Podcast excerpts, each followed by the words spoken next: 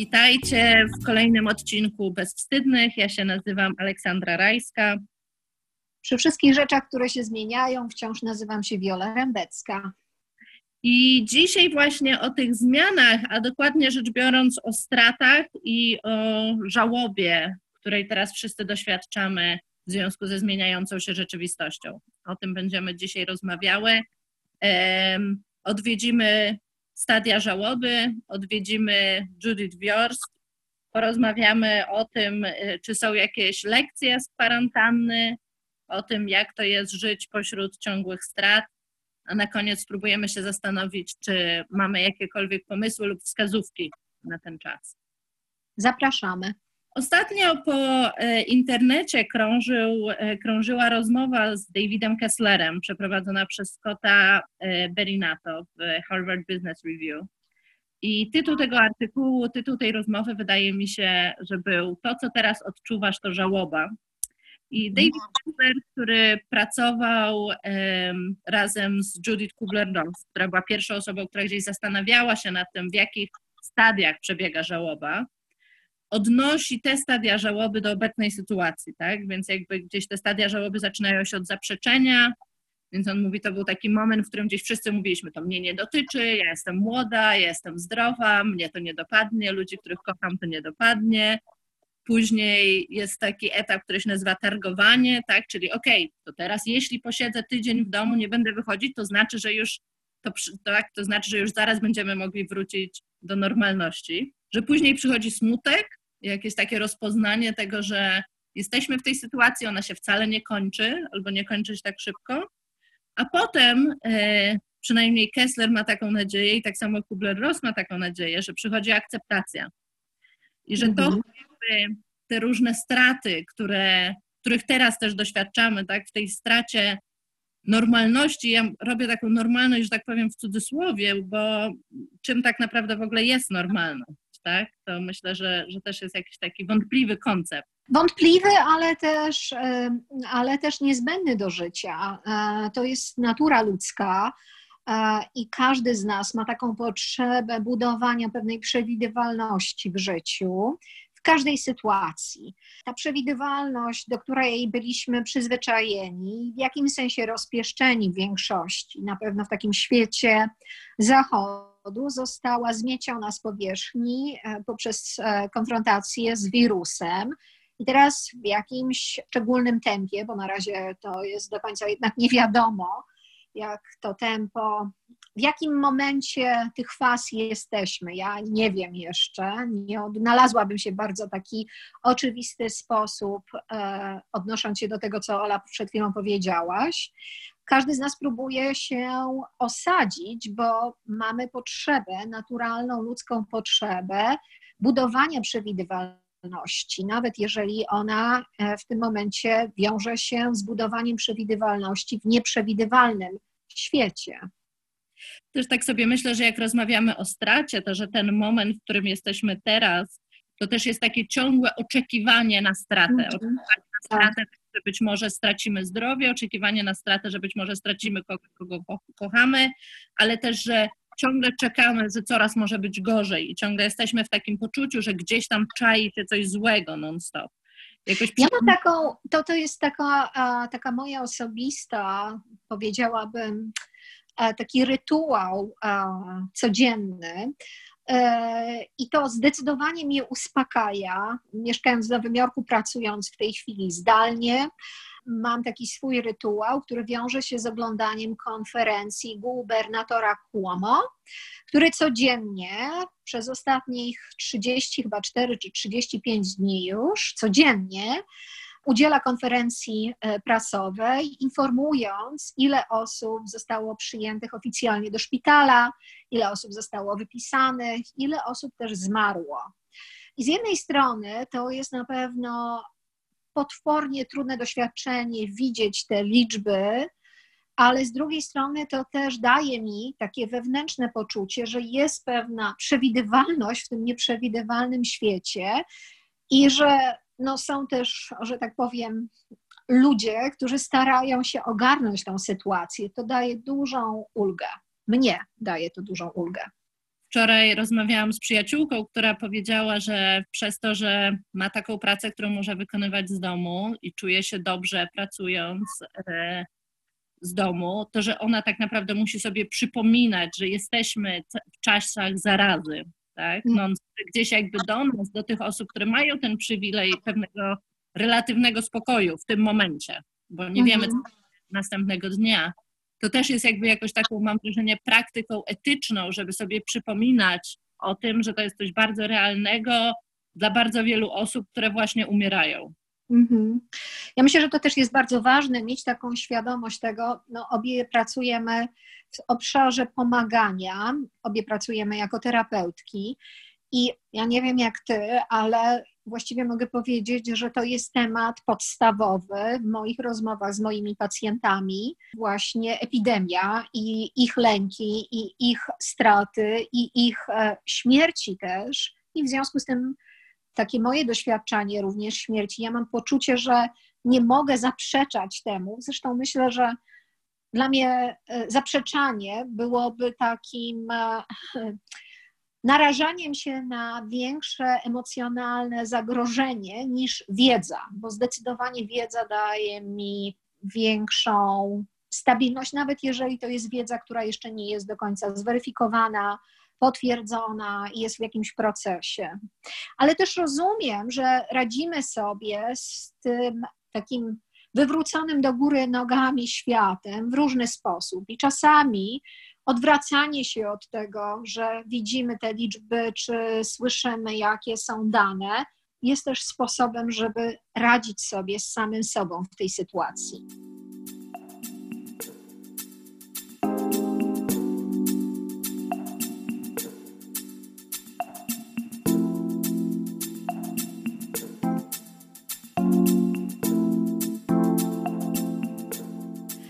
Lata, lata temu, bo to jest już ponad 20 lat temu, kiedy zaczynałam moją pracę jako terapeuta, przeczytałam książkę Judith Viors, To, co musimy utracić. Ta książka zrobiła na mnie ogromne wrażenie. To jest książka um, o tym, um, jak właściwie życie, czym właściwie jest życie, może bardziej z tej strony, że życie jest jedną wielką stratą, z którą mierzymy się cały czas. Strac tracimy młodość, tracimy zdrowie, tracimy y, bliskich, tracimy przywileje. Oczywiście, że też różne rzeczy zyskujemy, to nie ulega wątpliwości, jakoś nie tracę tego z pola widzenia i też autorka tej książki nie traciła tego z pola widzenia, natomiast jej praca skupiła się na tym, że taką częścią w życiu jest umiejętność, taką bardzo ważną częścią w naszym życiu jest umiejętność radzenia sobie ze stratą. I to jest ogromne wyzwanie i też bardzo dużo myślę o, o tej książce w kontekście tego aktualnego czasu, tych strat, z którymi ja się w minimalnym i takim bardziej globalnym e, wymiarze borykam. I też o tym, jak z różnymi stratami radzę sobie, ale też jak z różnymi stratami sobie nie radzę. Na przykład dosyć szybko przestawiłam się na taki rytm pracy tylko z domu i tylko online, czy też przy użyciu telefonu. Ja też pracuję od wielu lat przez Skype, więc nie była to jakaś taka straszliwa rewolucja w moim życiu. Natomiast i z tym jakoś sobie daję radę. Natomiast są inne obszary życia, z którymi, czy, czy, czy strat, z którymi się borykam, z którymi no, nie bardzo sobie radzę. I to jest na przykład taka kwestia związana z tym, że mój świat zmniejszył się fizycznie do rozmiarów mieszkania, które dzielę z moim partnerem. W taki sposób, no 24 godziny na dobę, 7 dni w tygodniu, i to jest dla mnie ogromne wyzwanie i duża trudność. Podobnie jak to, że świadomość tego, że pracuję z ludźmi, którzy zmagają się z chorobami, albo też już w tej chwili straciłam jednego pacjenta, który zmarł w wyniku koronawirusa i też dwóch, dwie znajome osoby, które zmarły z tego samego powodu przeciągu ostatniego miesiąca, to jest coś, z czym czuję, że sobie nie radzę i nie jestem nawet w stanie gotowa, żeby się z tym zacząć emocjonalnie mierzyć. skupiając swoją uwagę bardziej na tym, żeby dawać sobie radę w całym tym kryzysie, o czym też Judith Viers w swojej książce pisała, że jeżeli żyjemy w takiej sytuacji kryzysu, wojny, zagrożenia, nasz, nasza uwaga jest skoncentrowana na, na tym, żeby przetrwać, a dopiero potem przychodzi taki tryb, w którym możemy przepracowywać głębiej to, że na przykład straciliśmy bliskie osoby. Też to, co mówisz, jakoś kojarzy mi się z tym moja przyjaciółka i przyjaciółka podcastu Bezwstydne, Agnieszka, przesłała mi artykuł z Tygodnika Powszechnego napisany przez Natalię de Barbaro, który jest zatytułowany Trzy lekcje na koronawirusa, z koronawirusa może. I gdzieś, tak jak myślimy, tak jakby egzystencjalnie o tym, to jest jakby kilka rzeczy, na które ona zwraca uwagę, tak? Że jakby jedna z tych rzeczy, to co mówisz o tym przetrwaniu, tak? Czyli jakby to, że mhm że jakby często możemy się wprowadzić w taki stan tego, że to jest tymczasowe, tak? podczas gdy ona właśnie gdzieś zwraca uwagę na to, że nie wiemy tak naprawdę, jaka będzie rzeczywistość po drugiej stronie i że mhm. również możemy się pogodzić jakoś ze stratami i jakby być w tym momencie, w którym jesteśmy teraz, to jakoś gdzieś było dla mnie ciekawe. Kolejna rzecz, o której ona pisze, to to, że jakby cierpienie i śmierć, tak, to są rzeczy, które są prawdziwe i codzienne dla kogoś, tak, że bardzo łatwo ona się powołuje na taki cytat z Miłosza, który mówi tak, nie moje, nie ja, nie moje, tak? Że bardzo łatwo jest cierpienie gdzieś tak oddelegować gdzie indziej, tak? I że takie momenty jak ten, to może być taki moment na to, żeby gdzieś patrzeć na to i być świadomą tego, że cierpienie jest ciągle i straty są ciągle. I kolejna rzecz, o której ona pisze, i, i to jest dla mnie gdzieś ciekawe też w kontekście tego, co ty powiedziałaś, że łatwo było się przestawić na taką pracę zdalną, ona pisze o tym, że jakoś taką kolejną rzeczą jest to, że nie jesteśmy naszymi rolami, tak? Że bardzo mhm. łatwo się przywiązać do tego, że jesteśmy, tak, ja jestem właśnie terapeutką, albo jestem osobą, która lubi jeździć rowerem, tak? I że co mhm. się dzieje z nami, kiedy gdzieś odklejamy się od tych naszych roli, mhm. że tak naprawdę wtedy konfrontujemy się z czymś, co jest zawsze, ale czy, o czym nie myślimy zawsze, bo mhm. rozpraszamy innymi rzeczami, czyli w tym, że pewna stabilność jest iluzją, tak? Że, że tak naprawdę nie ma stabilności, że różne rzeczy mogą się wydarzyć i że tak naprawdę nic nie jest nam zagwarantowane. Ale... Ja się, ja się z tym zgadzam i bardzo mi się podoba to, o czym mówisz, tak powiedziałabym z takiego metapoziomu, ale też z takiego poziomu powiedziałabym bardziej praktyka terapeuty, i też osoby, która jest w środku tego kryzysu, ja wiem, że dla mnie to jest bardzo ważne, żeby mieć poczucie, że to jest czasowe. Nawet jeżeli to by się miało zamienić w jakimś czasie na długotrwałą sytuację, już wiadomo, prawda, że mówimy o tym, że przynajmniej półtora roku zajmie nam, przynajmniej półtora roku zajmie nam wychodzenie z tego kryzysu, jaki jest teraz, to jest też taki moment, o którym się mówi, że być może będzie szczepionka, choć też nie wiadomo, co z tą szczepionką, ale chodzi mi o to, że musimy mieć jakieś ramy. To jest naturalna ludzka potrzeba i zgadzam się z takim buddyjskim, powiedziałabym, filozoficznym podejściem, że nie wiadomo, co się w naszym życiu wydarzy. I to widać teraz na, na, na co dzień. Ale z drugiej strony, każdy z nas, jako człowiek, ma potrzebę, i to jest ludzka potrzeba, żeby było wiadomo. I też, też myślę sobie o, odnośnie tego pierwszego punktu, o którym powiedziałaś w związku z tym artykułem, że osoby, które przeżyły wojnę, no w tym momencie na przykład takie osoby, z którymi ja pracuję, tak zwane war rape survivors, które przeżyły więcej niż tylko epidemię, ale też no, zagrożenie bezpośrednie życia, gwałty, innego rodzaju tortury. Za każdym razem w czasie wywiadów podkreślały, że świadomość tego, że to jest jakiś moment i on minie, był niezwykle pomocny.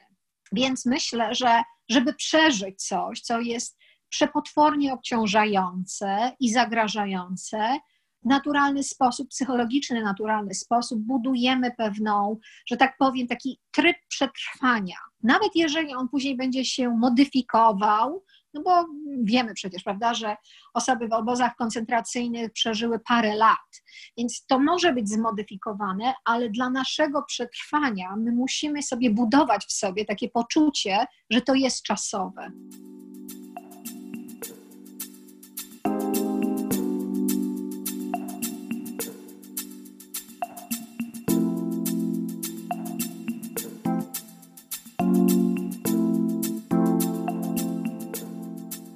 No to tak mówiąc o tym, co może być pomocne w tej sytuacji. Ja jakoś się zastanawiałam nad tym, nad lękiem, który się wiąże z niepewnością i który dla mnie jest bardzo trudny. I gdzieś jakby mhm. myślę, że mój lęk bardzo często karmi się tym, że ja się opieram temu lękowi, że tak naprawdę pewnie jedynym sposobem na radzenie sobie z lękiem jest jakieś takie pozwolenie, żeby ten lęk jakby wszedł i wyszedł, tak, żeby, mhm. żeby nie oporować, że tak powiem, mhm, mhm. oporując, tylko pozwalać, żeby te emocje wchodziły i wychodziły. To, to mhm. jest taka jedna myśl, którą mam, która jest może związana właśnie z tym, że gdybym, gdybym nie była osobą, która nie lubi medytować, to może bym właśnie myślała o tym, że medytacja to jest coś, mhm. co jest pomocne. Ja myślę, że w ogóle jakieś takie pewne, trochę wracając do tego, co ty, Wiola, wcześniej powiedziałaś, że jakieś takie też nazywanie tego, co się dzieje, myślę, że to jest coś, co jest mhm. nazywanie i emocji, i doświadczeń, tak? Tak, takie nadawanie pewnego znaczenia, że my jesteśmy w sytuacji, która na razie jest nieogarnięta, ale są pewne znaczenia, są jakieś punkty kluczowe. Dla mnie na przykład to jest jakiś rytm dnia, że ja wstaję rano, mam swój poranny rytuał picia kawy, potem zaczynam pracować, potem robię sobie przerwę na to, żeby obejrzeć Cuomo Conference, potem znowu wracam do pracy i tak dalej, i tak dalej. W sensie, że mam pewien rytm, który wypracowałam i ten rytm daje mi pewien, względny oczywiście, ale jednak komfort i poczucie bezpieczeństwa. Myślę, że to jest bardzo ważne, Oczywiście to jest zależne od każdej osoby, prawda? Ja mam jakiś swój, ty byś miała swój i inni będą mieli jakiś swój rytm, ale ważną rzeczą jest, żeby starać się ten rytm kultywować w takiej sytuacji nieprzewidywalności. Tak, ja też tak sobie myślę, że tak jakby to jest taka sytuacja, w której tracimy, czy podważone jest nasze poczucie bezpieczeństwa, podważona jest nasza wiara mhm. w system, który się nami zajmie i jakoś zaopiekuje.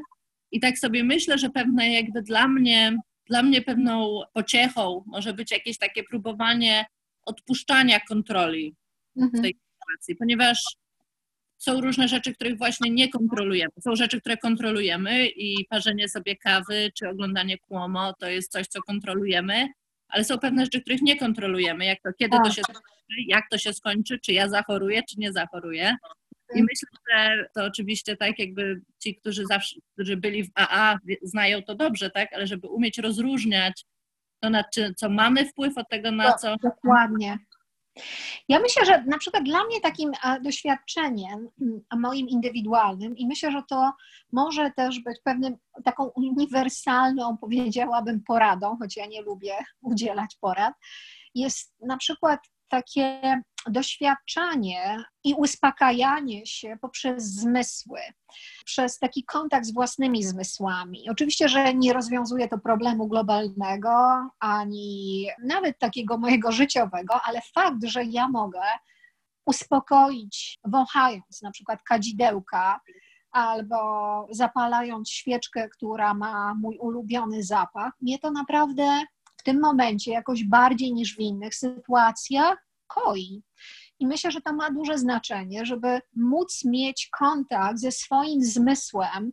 Każdy z nas ma jakiś taki swój zmysł, prawda? Czy to dotyk, czy to smak, czy to zapach, czy to widzenie, który jest jakoś bardziej, taki powiedziałam, rozbudowany i znalezienie czegoś, co może być kojące, nawet jeżeli to jest krótkotrwałe, też jest pewnym sposobem, żeby osadzać się w tej sytuacji takiej niepewności globalnej, bym powiedziała. Tak, I, I też tak jak mówisz, tak zmysły to jest to, co nas osadza w byciu tu i teraz. I tak, kiedy myślimy o niepewnej przyszłości, myślimy też o jakby różnych ukradzionych nam momentach, tak? O mhm. spotkaniach, które nie możemy pójść, o filmach, których nie obejrzymy w kinie, o sztukach w teatrze czy koncertach, to tak naprawdę szukanie jakiejś takiej własnej kreatywności w tym. I ja jestem osobą, która jest jak najdalsza od tego, żeby mówić teraz proszę tutaj zacząć szydełkować albo malować. Ja bardziej myślę o takiej, bo myślę, że nie każdemu z nas to jest dane. My obie tak. pracujemy od rana do nocy, nie wiem, kiedy miałam zacząć szydełkować, no ale no tak. myślę, że taka kreatywność codzienna właśnie, tak, która jest związana z wąchaniem, która jest mhm. związana z patrzeniem czy z ułożeniem czegoś na stole, to jest mhm. coś takiego, potrafi być bardzo karmiące w takich momentach. Jest, bo znaczy w takim sensie, że to daje to poczucie, takie pewnie iluzoryczne, ale pewnego ogarnięcia rzeczywistości, taka można powiedzieć mini kontrola w tym takim zabałaganionym świecie. Dlatego ja osobiście jestem bliższa kultywowaniu czegoś, co w minimalnym sensie da mi pewne poczucie względnego bezpieczeństwa, nawet jeżeli przez parę minut, niż takiemu oddawaniu się idei, że życie jest właśnie taką nieogarniętą, nieskontrolowaną a masą, na którą ja właściwie mam mały wpływ, bo to mnie nie uspokaja. A żeby funkcjonować w tej rzeczywistości, ja muszę mieć poczucie, i myślę, że to jest dosyć uniwersalne, że w jakimś sensie jestem stabilna, i mogę różne rzeczy, mogę na przykład pracować. E, więc oczywiście każdy ma swój, i to chcę bardzo wyraźnie podkreślić, każdy ma swój, swoje preferencje i swój wybór. Dla jednych będzie to medytacja i poczucie, że no wszystko jest nieskończone i nieskontrolowane. Dla mnie jednak ważną rzeczą jest mieć to poczucie, że w jakimś małym wymiarze, nawet jeżeli to jest właśnie ułożenie czegoś na stole albo powąchanie świeczki, to mnie uspokaja bardziej niż taka, powiedziałabym, metafizyczna, no. nieogarnięta. Nie, to jest ciekawe. W moim życiu ostatnio bardzo dużo rzeczy, które bym chciała, żeby szły w jeden sposób, idą w zupełnie inny sposób i wiele. Mam poczucie, że życie ostatnio rzuca mi bardzo dużo piłek podkręconych i niestety i dużo smutku i depresji w moim życiu, nawet niekoniecznie mhm. związanych z koronawirusem. I mnie właśnie w tych momentach gdzieś jakby takie poczucie, że koniec końców nic ode mnie nie zależy, w jakiś paradoksalny sposób mhm. uspokaja też dlatego, że zwykle jestem tą osobą, która właśnie bardzo kontroluje i bardzo trzyma różne rzeczy. Mhm, mhm. No i to myślę, że to też jest bardzo ważne, żeby wiedzieć, prawda? Kto co jakoś preferuje. Ja myślę, że ten czas tej nieprzewidywalności i strat to jest naprawdę też bardzo taki szczególny czas, w którym my możemy widzieć, co bardziej działa dla nas indywidualnie. I też no, ważne jest, żeby z tym mieć przede wszystkim kontakt. Nie papugować i naśladować jednej myśli, którą tam ktoś propaguje, albo jakiejś innej, tylko naprawdę starać się odpowiadać samemu sobie, co dla nas w tym momencie będzie taką pomocną, ogarniającą nas i wspierającą funkcją, czy czynnością, czy aktywnością, czy brakiem aktywności, no bo to też może i w tą stronę. I tego Wam wszystkim, drodzy i drogie, bezwstydne życzymy. Tak jak zawsze możecie do nas pisać na Facebooku, na Bezwstydne Podcast, możecie nas znaleźć na Instagramie, na Bezwstydne Podcast i również na Bezwstydne Podcast na Gmailu możecie do nas napisać. Bardzo nas cieszą wszystkie wiadomości od Was. Możecie też nam dać znać, jak Wy sobie radzicie w pandemii. Ja chcę powiedzieć i bardzo serdecznie, że tak powiem, e, na łączach podziękować naszej słuchaczce Agnieszce, która napisała przepiękny list o tym, e, czego by sobie życzyła, jak jej się słucha tego podcastu, w jaki sposób może warto byłoby rozwijać. Bardzo było to dla mnie wzruszające czytać, że to, o czym mówimy i staramy się z Wami dzielić, jest takie inspirujące. Agnieszka, bardzo dziękuję, wzięłam to sobie do serca i e, na pewno odpowiem na Twój piękny list. Piszcie, piszcie do nas. Do usłyszenia. Pozdrawiamy.